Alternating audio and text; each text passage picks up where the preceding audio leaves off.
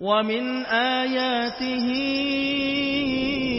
أن خلق لكم من أنفسكم أزواجا أزواجا لتسكنوا إليها وجعل بينكم مودة ورحمة. السلام عليكم ورحمة الله وبركاته. إن الحمد لله نحمده ونستعينه ونستغفره ونعوذ بالله من شرور أنفسنا وسيئات أعمالنا. من يهده الله فهو المهتد ومن يضلل فلن تجد له وليا مرشدا. أشهد أن لا إله إلا الله وحده لا شريك له وأشهد أن محمدا عبده ورسوله الذي لا نبي بعده.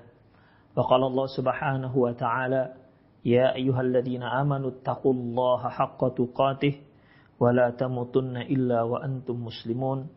يا أيها الذين آمنوا اتقوا الله وقولوا قولا سديدا. يصلح لكم أعمالكم ويغفر لكم ذنوبكم. ومن يطع الله ورسوله فقد فاز فوزا عظيما. يا أيها الناس اتقوا ربكم الذي خلقكم من نفس واحدة وخلق منها زوجها. وبث منهما رجالا كثيرا ونساء. واتقوا الله الذي تساءلون به والأرحام. إن الله كان عليكم رقيبا. أما بعد نصدق الحديث كتاب الله. وخير الهدي هدي محمد صلى الله عليه وسلم. وشر الأمور محدثاتها وكل محدثة بدعة. wa kulla bid'atin dolala wa kulla dolalatin finnar. Kaum muslimin, kaum muslimat, para pemirsa Rosat TV, serta pendengar radio Medan Mengaji di mana pun Anda berada. Alhamdulillah Allah subhanahu wa ta'ala kembali mempertemukan kita di program klinik pranikah. Di mana yang telah lalu kita sampai atau telah membahas terkait dengan nazar yaitu melihat calon si istri, melihat calon istri. Sebelumnya juga kita telah bahas terkait dengan melamar.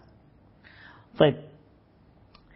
Setelah nazar melihat calon istri, kemudian dia pun akhirnya dilamar. Melamarnya langsung ke walinya, ayahnya misalnya. Kemudian ikhwah, sampailah kita pada puncak, yaitu akad pernikahan. Ikhwah, akad nikah yang di dalamnya terdapat ijab dan kabul. Bahasa kita serah terima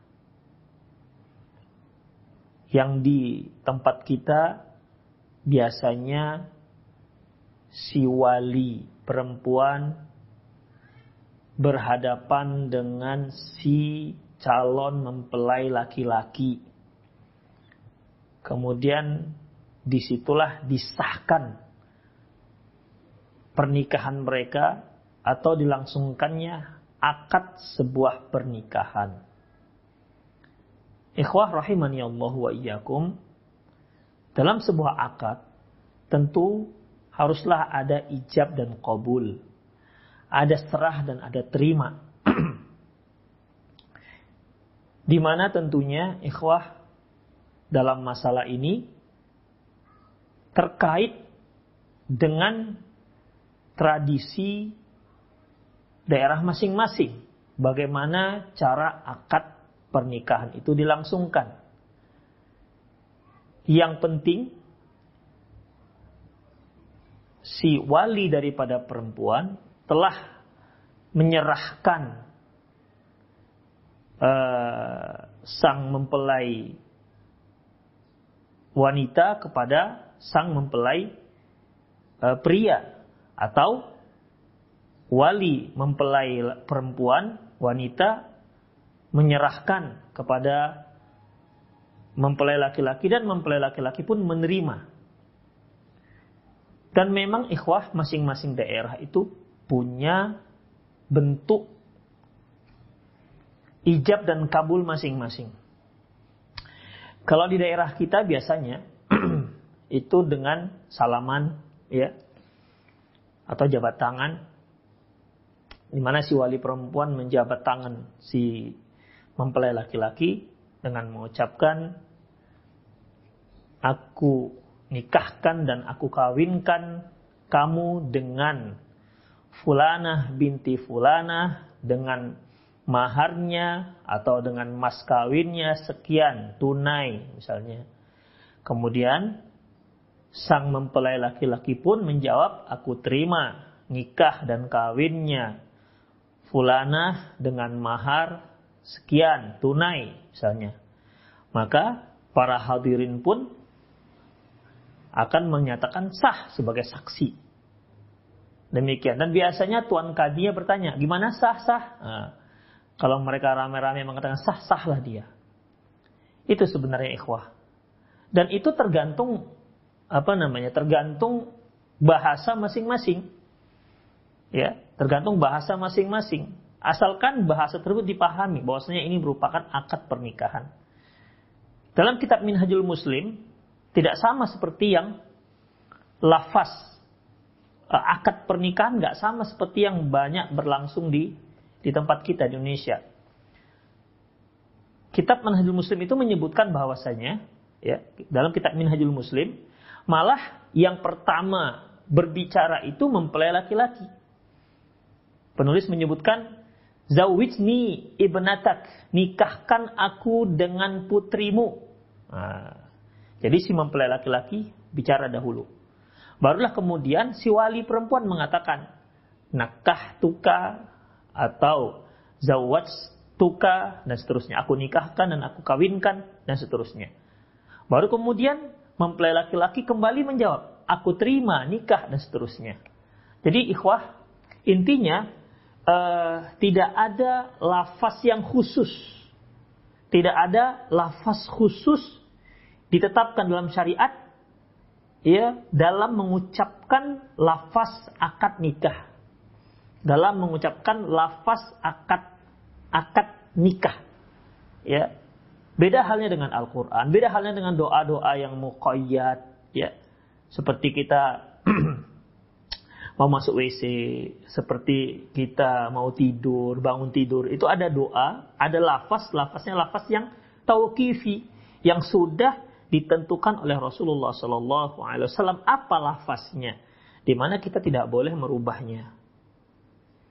Untuk akad pernikahan, ijab kabulnya itu terserah, ya terserah masing-masing daerah. Yang penting difahami bahwasanya ini adalah sebuah akad pernikahan, ada sebuah terima dan ada penyerahan dan ada terimanya. Itu ikhwah, ya.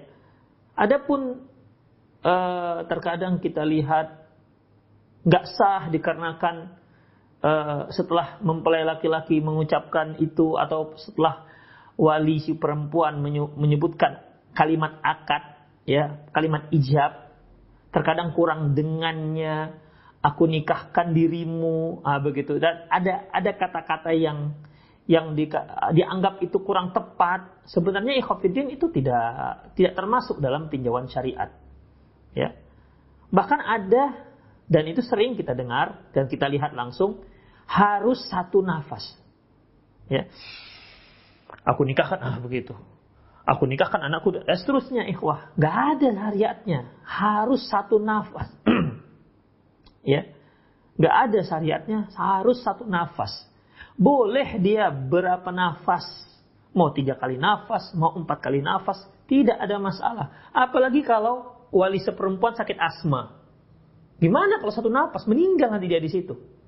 Jadi dalam masalah ini ikhwafiddin, ya tidak ada aturannya harus satu nafas. Ya. Bahkan kalau seandainya sulit sekali si wali atau si mempelai laki-laki mengucapkan ijab kabulnya, karena bisa saja tidak harus si wali tidak harus mempelai laki-laki yang yang apa namanya yang nervous ataupun grogi. Bisa saja wali juga lupa baca, ya, baca atau dituntun oleh si tuan kadi boleh ikhwah, ya boleh. Karena ad-dinu yusrun, agama ini mudah. Ya, agama ini mudah. Wa ma ja'ala 'alaikum fid din min haraj. Dan sesungguhnya Allah tidak menjadikan agama ini untuk menyusahkan kalian. Ya. Allah tidak menjadikan agama ini untuk menyusahkan kalian. Jadi ikhwah, dalam lafaz akad pernikahan itu tidak ada. Tidak ada lafaz yang tauqifi. Tauqifi itu sudah baku dari Rasulullah Sallallahu Alaihi Wasallam di mana beliau mengatakan harus begini loh lafaznya. Kalau enggak, enggak sah. Itu tidak ada. Ya, sebagaimana yang kita katakan tadi ada yang perbedaan ya antara orang Indonesia dan orang-orang yang di Timur Tengah sana. Demikian ikhwah. Nah, oleh karena itu ikhwah, dalam masalah ini ya uh, silahkan pakai lafaz apa saja yang jelas itu difahami baik si wali perempuan maupun si wali laki-laki uh, maupun si mempelai laki-laki bahwasanya ini ini yang sedang dilangsungkan adalah sebuah akad pernikahan han. Demikian. Allahu alam bisawab. Baik, kemudian ikhwah, apa syarat sahnya sebuah akad pernikahan? Ya. Apa syarat sahnya akad pernikahan? Yang pertama ikhwah, ya.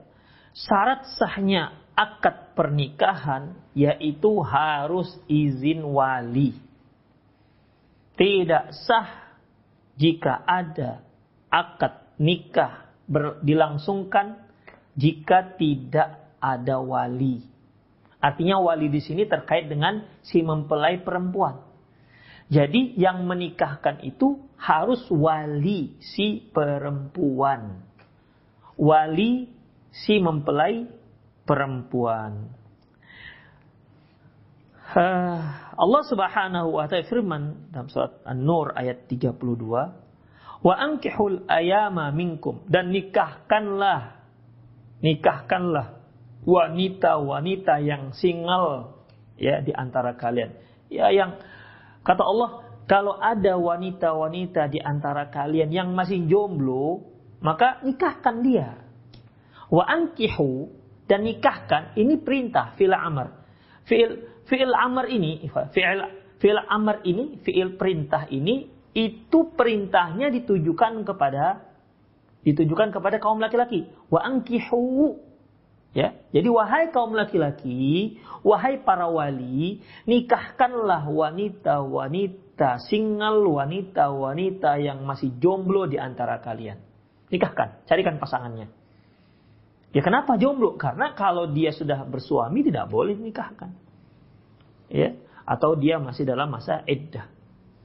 Demikian ikhwah. Oleh karena itu, kalau kita lihat dalam ayat ini, bahwasanya perintah tersebut ditujukan kepada si wali perempuan. Itu yang pertama. Yang kedua, uh, mungkin para pemirsa masih ingat kisah uh, apa namanya? Kisah Nabi Musa. Ya, Kisah Nabi Musa yang menolong dua orang perempuan ketika dia berada di Madian. Di mana dua orang wanita ini sedang menghalau gembalanya agar tidak berbaur dengan gembala-gembala kambing-kambing yang lain, milik orang lain. Akhirnya Nabi Musa lah yang menolong dua wanita ini untuk memberi minum kambing-kambing mereka ataupun gembala-gembala mereka. Setelah itu ikhwah, ah, Nabi Musa alaihissalam dipanggil oleh orang tua kedua wanita ini. Dipanggil oleh orang tua kedua wanita ini. Ada yang menyebutkan dia adalah Nabi Shu'aib ya. Kemudian apa kata orang tua ini kepada Nabi Musa? Artinya uh, apa bapak ataupun ayah daripada kedua orang kedua wanita ini kepada Nabi Musa ini uridu an unkihaka ihda benatayya hataini. Aku mau menikahkan engkau dengan aku mau menikahkan engkau dengan salah seorang daripada putriku ini.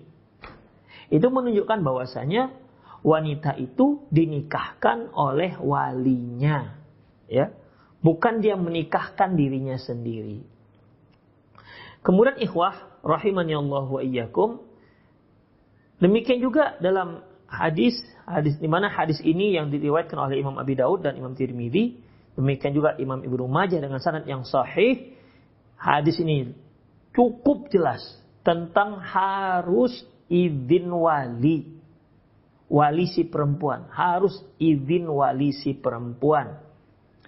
Yaitu hadis Abu Musa radhiyallahu anhu anna Nabiya sallallahu alaihi wasallam qal bahwasanya Nabi sallallahu alaihi wasallam bersabda la nikaha illa biwali. Tidak ada pernikahan kecuali dengan wali. Artinya tidak sah jika ada pernikahan tanpa wali. Apabila sebuah akad pernikahan dilangsungkan dengan tanpa wali, maka akadnya tidak sah. Kalau mereka melakukan hubungan intim setelah itu, maka pasangan ini sedang melakukan perzinahan. Jika lahir dari hubungan mereka itu seorang anak, maka anaknya ini anak zina. Jika anak tersebut wanita, di mana kalau dia menikah harus dinikahkan oleh orang tuanya, kemudian orang tuanya tadi yang akad nikahnya nggak sah dengan ibunya menikahkan anaknya, maka nikah anaknya juga tak sah. Lahir cucu, cucu zina tuh. Bahaya kan? Bayangkan satu keluarga dari mulai anak zina, cucu zina. Gara-gara apa? Gara-gara nikahnya tak sah. Makanya jangan main-main dalam masalah ini. Ya. Bayangkan, Masya Allah. Kita nggak ngerti ini gimana satu keluarga semuanya anak haram. Emaknya emak haram, bapaknya bapak haram, anaknya anak haram, cucu-cucu haram. Astagfirullah. La haula wala quwata illa billah. Dikarenakan kebodohan dalam masalah akad pernikahan. Makanya ikhwah, hati-hati ya. Hati-hati dalam melangsungkan akad pernikahan. Jangan hanya dikarenakan cinta semata ya. Kemudian si perempuan menyerahkan jiwa dan raganya Kemudian dia rela lari meninggalkan kedua orang tuanya menikah di luar sana dengan tanpa izin ayahnya. Demikian. Lantas dia pun nikah tanpa wali, maka mereka itu zina. Ya, itu perzinahan namanya ikhwah. Tidak dibolehkan tak sah akad pernikahannya. La nikaha illa biwali tidak ada pernikahan, tidak sah pernikahan kecuali dengan wali. Ya, kecuali dengan wali. Dalam hadis lain, di mana hadis ini diriwayatkan oleh Imam Abi Daud, Tirmidzi dan Imam Ibnu Majah dengan sanad yang sahih dari Aisyah radhiyallahu anha. Anna Nabi sallallahu alaihi wasallam qaal bahwasanya Nabi sallallahu alaihi wasallam bersabda ayyuma imra'atun nakahat bighairi adni bighairi idni waliha fanikahuha batil batil batil wanita mana saja menikah tanpa izin walinya maka nikahnya batil batil batil berarti artinya batal nikahnya gak sah pernikahan tidak sah pernikahan tersebut Coba ikhwah, Rasulullah sampai mengulangnya tiga kali. Fanikah batil, batil, batil. Nikahnya batil, batil, batil. Tak sah, tak sah, tak sah. Mengapa harus tiga kali Rasulullah mengulangnya? Untuk menegaskan kepada kaum muslimin. Jangan main-main masalah pernikahan. Ini penghalalan faraj yang tadinya wanita yang tidak halal bagi kita, dia menjadi halal. Yang menghalalkannya siapa? Syariat kita yang menghalalkannya. Ada aturan penghalalannya. Ikhwah rahimahnya Allah wa iyyakum. Kalau ada yang mengatakan, loh dia kan itu kan sama-sama senang. Ikhwah tidak bisa kita berprinsip seperti itu. Ber, berprinsip hak asasi manusia. Ya terserah dialah kalau dia mau menikah Kalaupun orang tuanya tak setuju nggak mau menikahkan misalnya, terserah dia lah mau nikahkan dia yang akan melaksanakannya. Ikhwah tidak begitu. Rusak dunia ini kalau dibiarkan seperti itu. Bayangkan anak gadis kita, dia kenalan dengan seseorang laki-laki, mungkin kadang-kadang melalui media sosial. Dia pun jatuh cinta melalui rayuan-rayuan laki-laki tersebut di media sosial. Akhirnya dia pun pergi mencari sang laki-laki itu. Atau mungkin mereka janjian ketemu di mana. Terpikatlah dia laki-laki tersebut. Dan dibawa lari oleh si, si, istri, si, si laki-laki tersebut. Bisa rusak. Ikhwah dunia ini kalau seperti itu. Makanya ikuti aturan Allah Subhanahu wa taala untuk menjaga kita. Syariat yang Allah Subhanahu wa taala tetapkan untuk manusia itu untuk maslahat dan kepentingan manusia. Bukan Allah ingin membatas-batasi kita, ingin merongrong kita. Enggak, ikhwah. Ya. Allah yang menciptakan kita, Allah yang tahu tentang maslahat kita dan mudarat kita.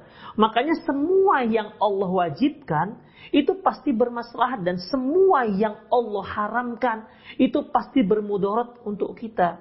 Kita harus yakini itu. Adapun Allah nggak ada untung sama sekali. Ya, nggak beruntung Allah dengan kita taat kepadanya. Itu semua untuk kita, untuk maslahat kita. Makanya ikhwah, di mana pun anda berada, Ketika kita melaksanakan syariat Islam, kita menjadi orang yang bertakwa, ya, kita laksanakan perintah Allah, kita jauhkan larangan Allah. Yang untungnya kita, bukan Allah Subhanahu wa taala.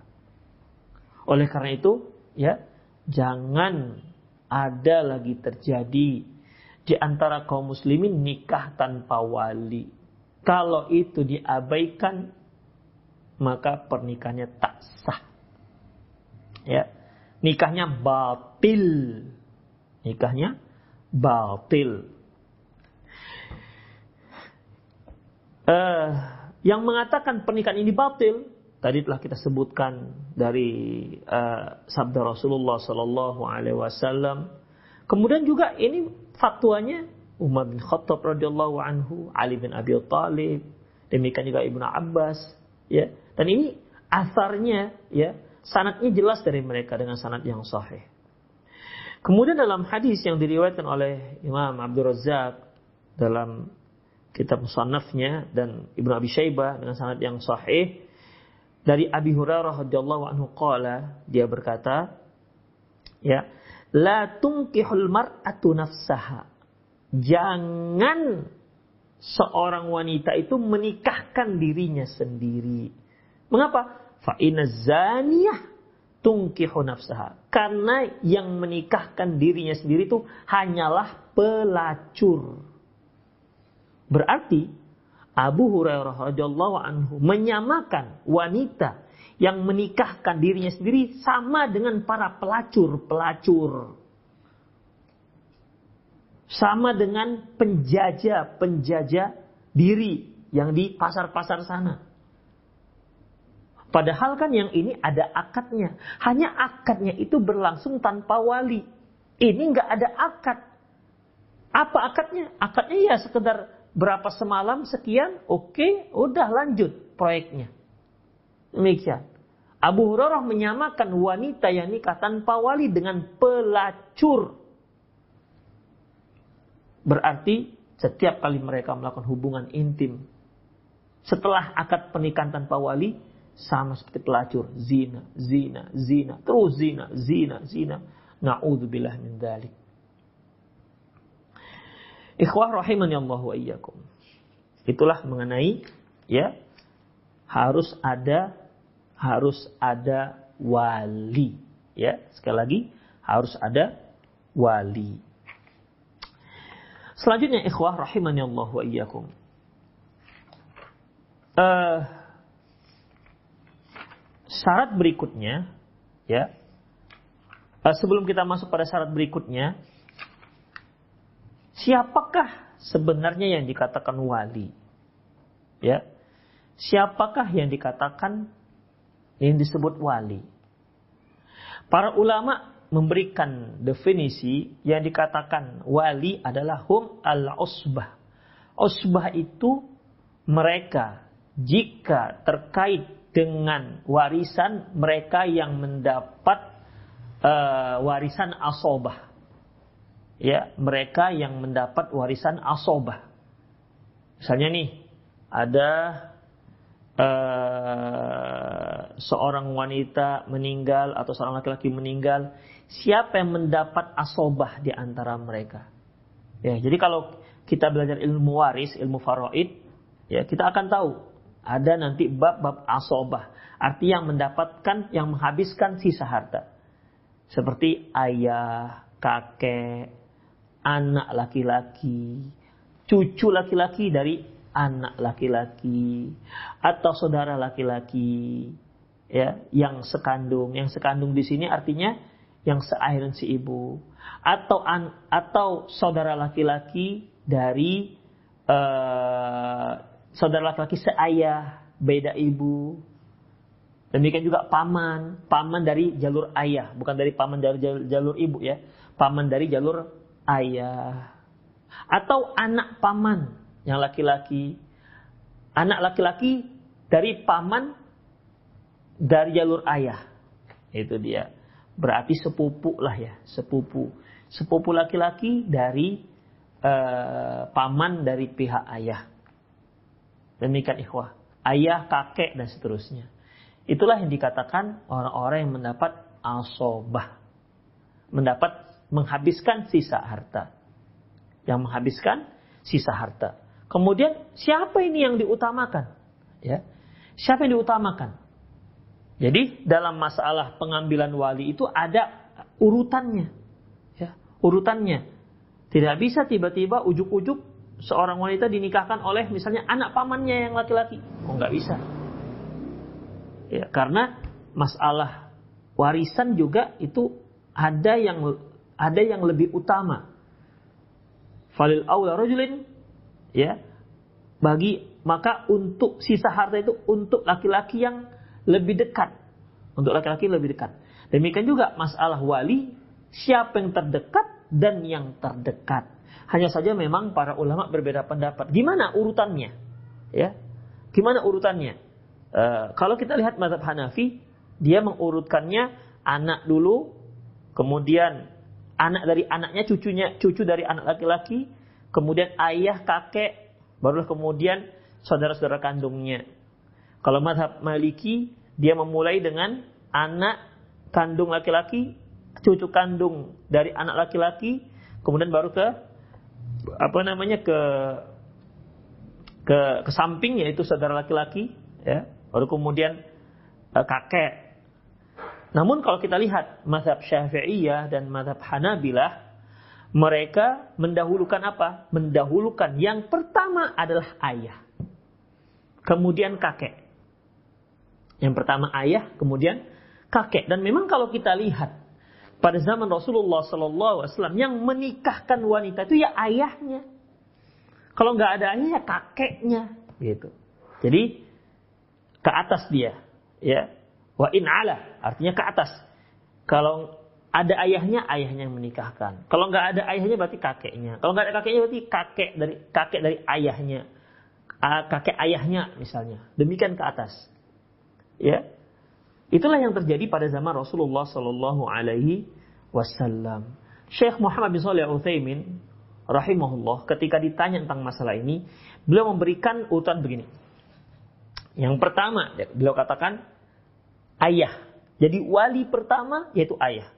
Tidak boleh seorang itu, seorang wanita dinikahkan oleh kakeknya sementara ayahnya ada. Pertama, ayah.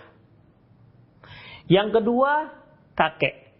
Wa inna ala dan ke atas. Ya. Tentunya kakek di sini bukan kakek dari pihak ibu, tapi kakek dari pihak ayah. Saya ingatkan, bukan kakek dari pihak ibu, tapi kakek dari pihak ayah. Kemudian yang kedua, kata beliau, Syekh Muhammad bin Salih Al-Thaymin rahimahullah, yaitu anak si wanita. Kalau wanita itu punya anak, maka anaknya. Kalau nggak ada anaknya, maka cucu laki-laki, eh, an maksudnya anak laki-laki yang dimaksud. Kalau nggak ada anak laki-laki, ya berarti cucu laki-laki dari anak laki-laki. Berarti kalau cucu laki-laki dari anak perempuan tidak bisa dijadikan sebagai wali. Demikian dan seterusnya. Wa in nazal dan seterusnya ke bawah. Udah? Pertama satu ke atas, ayah, kemudian kakek dari pihak ayah dan seterusnya. Yang kedua yaitu anak laki-laki dan cucu-cucu dari dari anak laki-laki dan ke bawah. Kemudian baru ke samping ikhwah, ya. Ke samping. Apa itu? Pertama, saudara laki-laki seayah dan seibu atau sekandung kita katakan. Di mana ayah dan emaknya sama. Saudara laki-laki sekandung. Itu urutan yang ketiga. Atau anaknya, ya. Anaknya. Jadi saudara laki-lakinya yang sekandung mungkin sudah meninggal. Ayah kakek sudah meninggal, anak-anak juga sudah tidak ada, atau mungkin dia nggak punya anak. Jadi gimana? Dia alternatif ketiga yaitu kalau saudaranya laki-laki. Ternyata saudara laki-lakinya sudah meninggal. Yang ada anak laki-laki dari saudara laki-laki. Maka itu dibolehkan. Itu urutan ketiga. Urutan keempat yaitu paman. Ya, paman dari pihak ayah. Kan paman kita ada dua tuh. Paman dari pihak ibu, saudara-saudari dari saudara dari pihak ibu dan saudara dari pihak ayah. Jadi ini paman ataupun saudara dari pihak ayah. Paman kandung kita dari pihak ayah. Kalau nggak ada, berarti anak daripada anak laki-laki dari paman kita dari pihak ayah. Itulah uh, urutan yang disebutkan Syekh Muhammad bin Shalih Al Utsaimin rahimahullah taala. Ya, dan inilah pendapat yang paling tepat, yang paling kuat, yaitu dengan mendahulukan ayah dahulu, kakek, baru kemudian anak dan seterusnya. Allahu alam bisawab. Baik, kemudian ikhwah rahimani Allah wa iyyakum uh, wali itu ya apa syarat wali?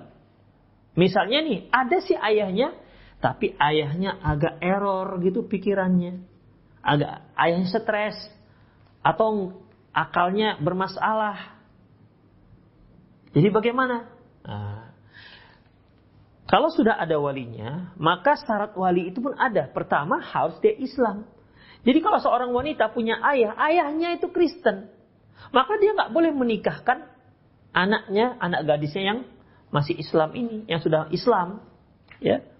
Sebagaimana firman Allah Subhanahu wa taala dalam surat Taubah ayat 71, "Wal mu'minuna wal mu'minatu ba'dhum awliya'u ba'd." Sesungguhnya laki-laki mukmin dan wanita-wanita mukminat sebagian mereka menjadi wali atas sebagian yang lain.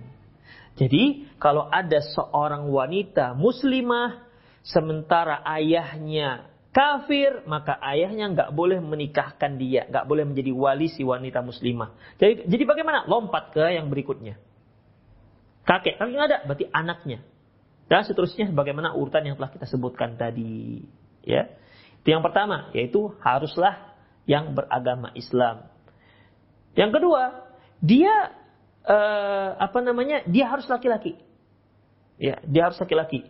Untuk lebih mudahnya ikhwah, urutan yang kita sebutkan tadi, apabila ada antara si wanita yang menikah dengan laki-laki tersebut ada di perantarai silsilah keturunannya, silsilah nisbat kepamiliannya itu ada di tengah-tengah wanita, maka nggak boleh jadi wali. Nah, jadi dia harus laki-laki. Ya, seperti tadi, seperti tadi kakek dari pihak ayah. Jadi si wanita ayah, ayahnya punya ayah lagi. Nah, begitu. Jadi nggak bisa kakek dari pihak ibu. Ya, tidak bisa kakek dari pihak ibu. Itulah ikhwah. Jadi dia harus laki-laki. Kemudian yang berakal. Kalau dia gila nggak bisa dijadikan wali. Kemudian yang keempat harus yang balik. Tidak bisa jadi wali itu yang nggak balik. Ya, misalnya anaknya masih SD, misalnya masih kelas 2, 2 SD, itu nggak bisa dijadikan sebagai wali untuk menikahkan anaknya. Kemudian dan harus yang merdeka. Demikian ikhwah rahimani Allahu wa iyyakum. Jadi syarat pertama harus izin wali dengan uh, rincian yang telah kita sebutkan tadi. Yang kedua yaitu harus dengan ridho si perempuan. Artinya tidak boleh seorang wali itu memaksa. Ya. Tidak boleh seorang wali memaksa anaknya untuk menikah dengan si fulan. Ya, anak yang dinikahi itu ya, wanita yang dinikahi oleh walinya itu ada dua saja. Pertama, dia seorang yang masih perawan, yang belum pernah menikah sebelumnya, atau yang janda, ya, atau yang janda. Rasulullah Shallallahu Alaihi Wasallam bersabda, ya, hadis ini diriwayatkan oleh Imam Bukhari dan Muslim dari Abi Hurairah radhiyallahu anhu, anna Nabiya sallallahu alaihi wasallam qala la la tunkihul ayyima hatta tastamir. Jangan kamu menikahkan ya. Jangan kalian menikahkan uh, para janda, wanita-wanita yang janda sampai kalian minta persetujuannya. Wala tunkihul bikra hatta tasta'din. Wala tunkihul ayyima hatta tastamir. Wala tunkihul bikra hatta tasta'din. Janganlah kalian menikahkan wanita-wanita kalian yang janda-janda kalian sampai minta persetujuannya dan juga jangan nikah, jangan nikahkan para perawan kalian, wanita-wanita perawan kalian sampai minta izin. Kalau para sahabat bertanya, "Ya Rasulullah, wa Rasulullah, kaifa idnuha?" Bagaimana izin si wanita-wanita yang masih perawan ini? Qal antaskut. Yaitu dengan dia diam. Itu dia. Jadi kalau kalau wanita yang janda kemudian ada walinya ingin menikahkan dia dengan seorang laki-laki, harus dijawab oleh si janda. Ya, misalnya nih, seorang punya anak yang sudah janda, mungkin jandanya janda janda ditinggal meninggal oleh uh, suaminya atau ditalak. Kemudian walinya mendap, ingin menikahkan dengan laki-laki lain. Maka ketika ditanya, wahai anakku apakah kamu mau kunikahkan dengan dia? Itu harus dijawab oleh si janda. Mau pak? Nah, itu dia. Itu namanya hatta tastamir. Tapi kalau anak gadis, ya, tapi kalau anak gadis masih perawan, maka kalaupun nggak dia jawab, dia diam aja sambil senyum-senyum. Nah, begitu. Ya, maka itu menunjukkan dia setuju. Demikian ikhwafiddin. Bahkan ada para ulama mengatakan karena hadis ini mengatakan izinnya seorang wanita perawan itu adalah dengan diamnya. Kalau dia jawab, bahkan tidak sah katanya. Ini kalau saya tidak silap, yaitu pendapat uh, mazhab zahiri. Karena Rasulullah katakan, izinnya perawan itu dengan diamnya. Kalau dia jawab, misalnya nih, si A punya anak perawan, anak gadis, nah kamu mau bapak nikahkan dengan si Fulan? Oh mau kali pak. Kenapa baru sekarang bapak bilang? Misalnya begitu. Semangat kali dia mau dikawinkan misalnya. Jadi bagaimana? Mazhab zahir mengatakan nggak sah. Gitu. Nggak sah. Ya. Tapi ini berbeda dengan dengan jumhur para ulama yang lain. Jumhur para ulama yang lain mengatakan diamnya saja sudah menunjukkan ridhonya dia, artinya persetujuan dia, apalagi dia jelas-jelas mengatakan iya setuju. Demikian ikhwah, rahimanallah wa iyyakum. Pada satu ketika ikhwah, ya hadis ini diriwayatkan oleh Imam Bukhari dengan sanad yang sahih tentunya, yaitu dari hadis Khansa binti Khidam al-Ansariyah Anna abah zawajaha. Wahia taib. Bahwasanya ayahnya menikahkan dia dengan seorang laki-laki. Dan dia seorang janda. Fakarihat. Tapi Khonsa ini tidak suka dengan laki-laki tersebut. Ya, tidak suka dengan laki-laki tersebut. Fa'atat Rasulullah SAW. Lantas dia pun datangi Rasulullah. Khonsa ini mendatangi Rasulullah. Melapor, ya Rasulullah, ayahku memaksakan aku untuk nikah dengan seorang laki-laki ini. Dan aku tak suka dengan laki-laki itu. Apa yang dilakukan Rasulullah SAW parodda nikahaha dan Rasulullah pun membatalkan pernikahannya. Nah, demikian. Rasulullah membatalkan pernikahannya. Kemudian satu hal lain, ini saya kira juga penting. Apa beda antara janda dengan perawan? Demikian. Apakah nanti perbedaannya terkait dengan selaput keperawanan itu? Ya. Para ulama mengatakan apabila seorang perempuan yang belum pernah menikah ternyata dia tidak perawan. Jadi ada gadis yang perawan, ada gadis tak perawan. Apabila seorang gadis tak perawan dikarenakan perzinahan yang dia lakukan, maka hukum dia sama dengan janda. Namun apabila dia gadis tak perawan, mungkin dikarenakan bawaan lahir atau dikarenakan bukan perzinahan mungkin dikarenakan jatuh atau dikarenakan satu olahraga Akhirnya dia tak perawan, tak perawan di sini artinya uh, selaput perawannya itu tidak apa robek kita katakanlah begitu. Maka dia itu dikategorikan masih gadis hukumnya hukum gadis. Inilah pendapat ya mazhabnya Imam Syafi'i, Imam Ahmad dan dua orang murid daripada Imam Abi Hanifah rahimahumul rahimahumullah. Itulah ikhwah rahimanallah wa iyyakum. Jadi ya syarat kedua akadnya sah apabila mendapat ridho dari uh, si mempelai perempuan, baik dia janda maupun dia perawan. Yang ketiga ikhwah ya harus ada mahar. Ya, harus ada mahar. Allah Subhanahu wa taala berfirman wa atun nisaa sadaqatihinna nihlah dan berikanlah mahar si wanita nihlah ya sebagai pemberian sebagai pemberian. Kemudian yang keempat ikhwah yaitu al ishad yaitu saksi. Inilah ikhwah e, beberapa syarat sahnya akad pernikahan. Yang pertama izin walinya. Yang kedua, ridho mempelainya, maksudnya mempelai perempuan, baik janda maupun perawan. Yang ketiga, ya, yang ketiga yaitu ada maharnya, ya. Yang jelas harus ada maharnya. Mengenai nanti maharnya itu kredit, cicil, atau kontan, atau belum disebutkan maharnya, dibolehkan. Yang jelas harus ada maharnya. Ya, harus ada maharnya. Dan Rasulullah Shallallahu Alaihi Wasallam menyebutkan wanita yang paling besar berkahnya adalah yang paling yang paling mudah maharnya. Aisaruha. Aisaruhunna. Yang paling mudah. Yang paling mudah maharnya. Bukan yang paling murah ya.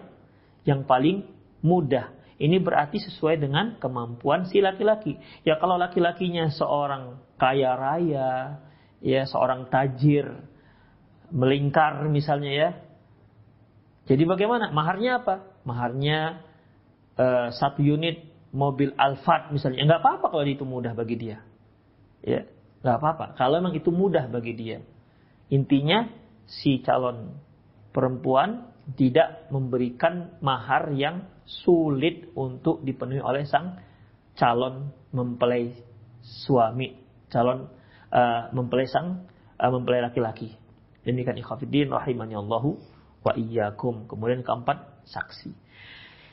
Itu sajalah ikhwah semoga apa yang kita bahas bermanfaat ya. Berarti ya ada nikah sudah selesai ya. Insyaallah kesempatan berikutnya kita akan bahas walimah. Karena walimah itu setelah akad. Tidak ada walimah sebelum akad. Tapi semoga Allah Subhanahu wa taala memudahkan kita untuk melanjutkan pembahasan-pembahasan kita berikutnya. Demikian aku qauli hadza wastaghfirullah li wa lakum. Walisal muslimin innahu wal ghafur rahim. Bagi para ikhwah dan akhwat yang ingin memberikan pertanyaan silakan kirimkan pertanyaan di pesan singkat ya melalui WhatsApp 0895 6113 27778 0895 6113 27778. Baik, uh, sudah ada yang masuk ini. Bismillah, Assalamualaikum warahmatullahi wabarakatuh. Ustadz, saya sedang proses ta'aruf dengan duda. Uh, berarti ini akhwat yang bertanya. Saya sedang ta'aruf dengan seorang duda. Sudah sampai tahap nazor. Namun salah satu anaknya usia 10 tahun masih belum boleh ayahnya menikah lagi. Bagaimana sikap kami Ustadz? Mohon nasihatnya jazakallahu khairan Ustadz. Uh, wa jazakillahu khairan. Semoga Allah Subhanahu wa taala memberkati anti dan memudahkan semua urusan anti ya. Mengenai akad pernikahan itu tidak terkait hukumnya dengan persetujuan anak. Apalagi masih 10 tahun. Ya, apalagi masih 10 tahun. Ya namanya juga seorang anak. Masih teringatlah ibunya yang menggendong dia, yang mengasuh dia, kemudian ayahmu nikah lagi, terkenang dialah masa-masa manis dengan ibunya, nanti posisi ibunya akan digantikan dengan wanita lain. Apalagi sekarang itu ya di masyarakat kita selalu uh, membayangkan membentuk image ibu tiri itu kejam. Ya. Selamanya ibu tiri itu lebih kejam dibandingkan ibu kandung. Padahal tidak harus seperti itu. Banyak ibu-ibu tiri lebih baik dibandingkan ibu kandung. Lebih soleha dibandingkan ibu kandung. Tapi karena image di masyarakat itu begitu. Pembentukan opini ibu tiri itu lebih ganas, lebih keras, lebih dahsyat dibandingkan ibu kandung. Eh, itu nggak mesti. Itu kaidah yang salah ya. Wah. Ya. Jadi dalam masalah ini ya mengenai pernikahan sah dan tidak sahnya tidak ada terkait dengan persetujuan anak. Bagaimana sikap sikap anti? Ya pandai-pandailah pendekatan kepada si si anak. Ya terserah apakah pendekatan nanti sebelum pernikahan atau ya buat pendekatan kasih hadiah pada si anak, pandai-pandailah mengambil hati anak, ya. Tinggal dibujuk aja ini anak-anak bagaimana. Demikian ikhwah. Atau nanti setelah menikah baru dibujuk si anak, pandai-pandailah. Mungkin bobok, bobok dengan dia, dielus dia, kasih dia hadiah, diberikan perhatian lebih. Insya Allah. Anak-anak itu tinggal, apa namanya, tinggal kalau dia lihat wanita pengganti ibunya, jika ternyata apa namanya baik seperti ibunya, ya itu akan akan hilang sendiri, ikhwah. Ya akan tergantikan sendiri dalam hatinya. Apalagi dilihat, oh masya Allah ternyata ibu tiri saya atau bahasa kita ibu sambung saya lebih baik dibandingkan ibu kandung saya. Ibu kandung saya main pukul, ibu tiri saya nggak seperti ini, masya Allah kan. Jadi tinggal bagaimana pendekatan anti dengan si anak. Namun secara hukum tidak ada hubungan izin dan tidak izin si anak atas keabsahan nikah ayahnya.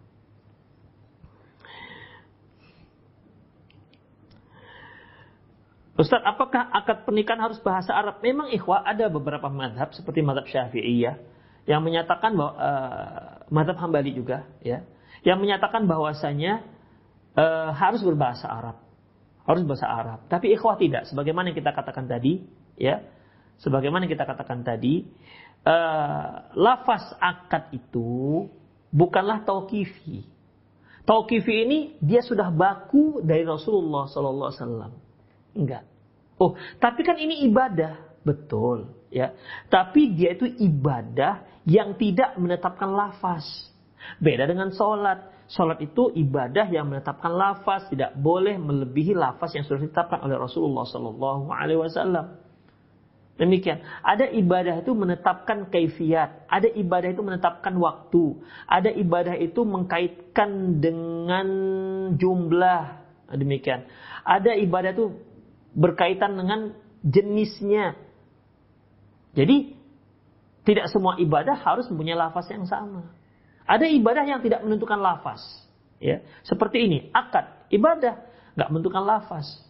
Bahkan sebagian ulama mengatakan ini bukan termasuk ibadah. Bagaimana dengan ibadah? Kalau dikatakan kalau dikatakan ibadah berarti salah satu syaratnya harus Islam. Karena ibadah itu nggak akan sah kalau dilakukan yang bukan Muslim. Bagaimana dengan pernikahan seorang laki-laki muslim dengan wanita ahli kitab yang dalam Islam dibolehkan. Boleh ya, bukan dianjurkan, dibolehkan. Baik. Yang wanita ahli kitab ini kan akan melangsungkan akad pernikahan. Dia kafir. Terus bagaimana? Demikian. Jadi ya uh, tidak harus berbahasa Arab. Tidak harus berbahasa Arab. Harus pakai angkah tuki, wazawat tuki. Ah, nggak harus begitu. Ya. Allahu alam bisawab. Ustadz, bagaimana dengan hadis yang menyatakan eh, seorang janda itu lebih berhak terhadap dirinya ketimbang walinya? Apakah itu menunjukkan dia boleh menikahkan diri sendiri? Enggak, ikhwafiddin. Tadi telah kita katakan bahwasanya uh, tidak boleh menikahkan janda uh, wala al ayyama hatta tastamir. Jangan kalian menikahkan wanita yang janda sampai minta izin. Artinya bagaimana ikhwafiddin? Ya, dalam hadis yang lain, dia lebih berhak terhadap dirinya. Artinya begini ikhwah. Kalau kita bandingkan antara janda dengan seorang gadis, maka janda itu jauh lebih berhak terhadap dirinya untuk menentukan siapa pasangannya ketimbang walinya. Tapi tetap walinya yang akan menikahkan. Bukan dia menikahi dirinya, menikahkan dirinya sendiri. Enggak. Beda dengan seorang gadis. Seorang gadis, walinya lebih besar haknya terhadap dirinya ketimbang si gadis itu sendiri. Walaupun sama-sama memang harus mendapat ridho si, si wali. Itu maknanya yang dijelaskan oleh para ulama. Jadi bukan berarti hadis ini menunjukkan bahwasanya boleh seorang janda menikah dengan menikahkan dirinya sendiri tanpa wali. Enggak. Karena hadis tentang wali la nikaha illa biwali. Tidak sah sebuah pernikahan kecuali dengan wali. Allahu a'lam bissawab.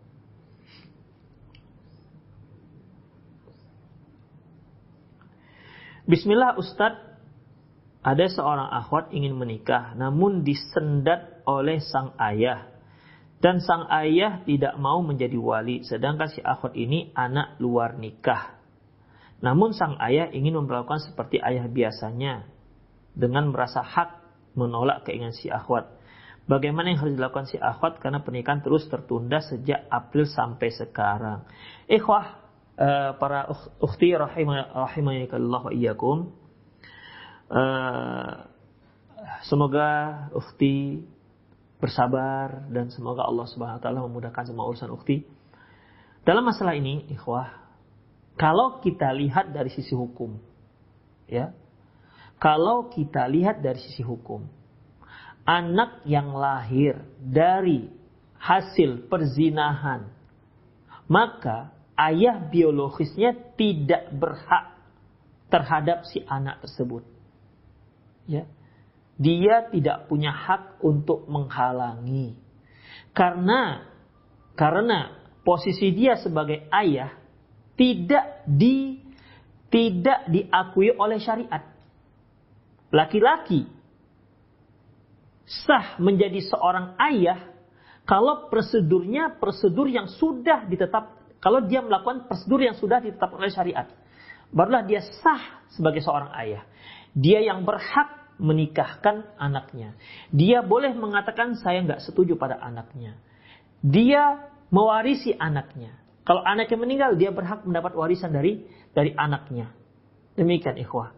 Dia juga bisa menjadi wali si anak teman anaknya ketika ketika safar, maksudnya anak perempuan. Namun kalau ayahnya ayah yang biologis saja, secara apa namanya, secara uh, apa namanya genetik dia adalah ayahnya, tapi secara syar'i tidak diakui dalam Islam sebagai ayah. Jadi bagaimana? Dia, ini kita bicara masalah hukum syariat ya, yang secara asal. Dia tidak berhak untuk melarang. Dia tak berhak untuk melarang. Lantas siapa yang menjadi wali si si gadis itu, si gadis ini? Ya, karena kalau nggak ada ayah, nggak ada ayahnya berarti uh, apa namanya? Uh, pamannya juga nggak ada berarti. Ya. Ikhwah rahimani Allah wa iyyakum. Kalau dia punya adik laki-laki, maka adik laki-laki bisa menjadi wali. Ya se, yang yang seibu ya.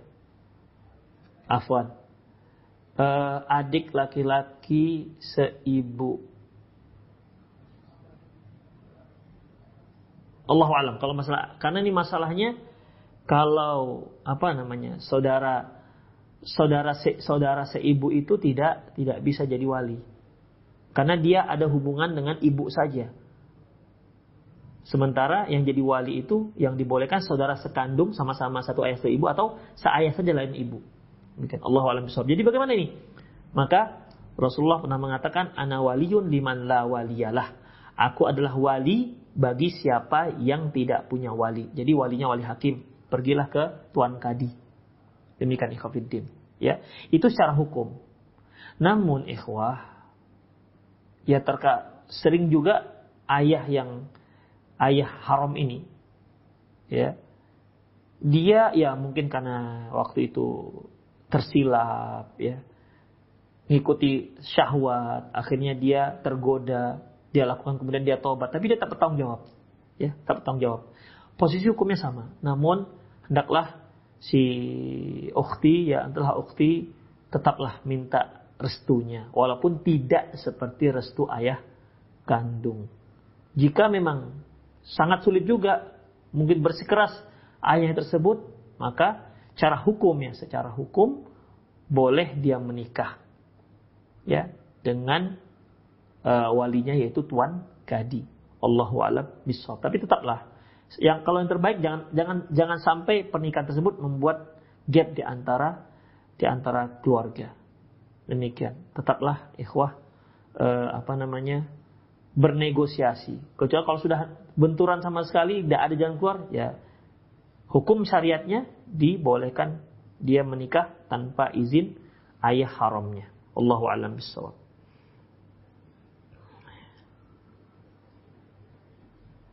Assalamualaikum Ustaz, Barakallahu Fik, wa fika Barakallah. Mau tanya Ustaz, apakah perbedaan infak dan wakaf? Mohon penjelasan. Uh, mengenai infak ikhwah. Begini, misalnya nih, saya punya sepeda motor nih, ya. Saya infakkan sepeda motor ini kepada seorang yang fakir miskin. Udah. Otomatis sepeda motor saya ini sudah berpindah hak miliknya dari hak milik saya pindah ke dia. Hak milik dia. Nah sekarang Bolehkah si fakir miskin itu menjual sepeda motornya? Jawabannya boleh. Kenapa? Ini infak. Ya, ini infak. Beda dengan wakaf. Wakaf tidak dibolehkan. Ya, wakaf itu tidak dibolehkan. Misalnya, saya mewakafkan sebidang tanah. Karena e, karena judulnya ini wakaf, temanya wakaf, maka wakaf berhenti di sampai di situ. Tidak bisa diperjualbelikan. Ya. Tidak bisa diperjualbelikan. Kecuali kalau wakaf itu berupa kebun misalnya. Ya. Berupa kebun. Maka kebunnya itu, hasil kebunnya bisa dijual. Ya, ke, hasil kebunnya bisa dijual dan hasilnya itu, hasil penjualannya bisa digunakan sebesar-besarnya untuk kemaslahatan kaum muslimin. Namun menjual kebunnya nggak boleh. Itu dia. Beda halnya kalau saya menginfakkan sebidang kebun. Kebun ini bisa dijual oleh orang yang saya berikan kepada dia infak. Itulah bedanya antara wakaf dan infak. Allahu alam.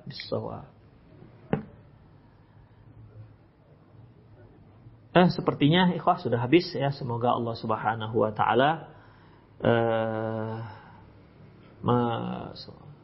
memberkahi kita semua. Semoga persoalan-persoalan yang ada di rumah tangga kita ataupun persoalan-persoalan tentang kendala-kendala yang terkait dengan uh, usaha untuk menuju jang pernikahan Allah mudahkan. Semoga semua masalah anti, masalah ukhti, masalah ikhwah yang ingin menuju pada jenjang pernikahan, semoga Allah mudahkan seluruh urusannya. Dan berdoalah kepada Allah Subhanahu wa taala karena Allah lah yang memegang hati Qulubul ibad baina asabir rahman. Sesungguhnya hati para hamba itu berada di antara jemari Allah Subhanahu wa taala yuqallibuha kaifa yasha. Allah akan membolak-balikkannya sekehendaknya. Demikian ikhwah. Aku lu qouli hadza wa lakum wa muslimin innahu wal ghafur rahim. Subhanakallahumma bihamdik, asyhadu an la ilaha. وصلى الله على نبينا محمد وعلى آله وأصحابه أجمعين. وآخر دعوانا الحمد لله رب العالمين. السلام عليكم ورحمة الله وبركاته.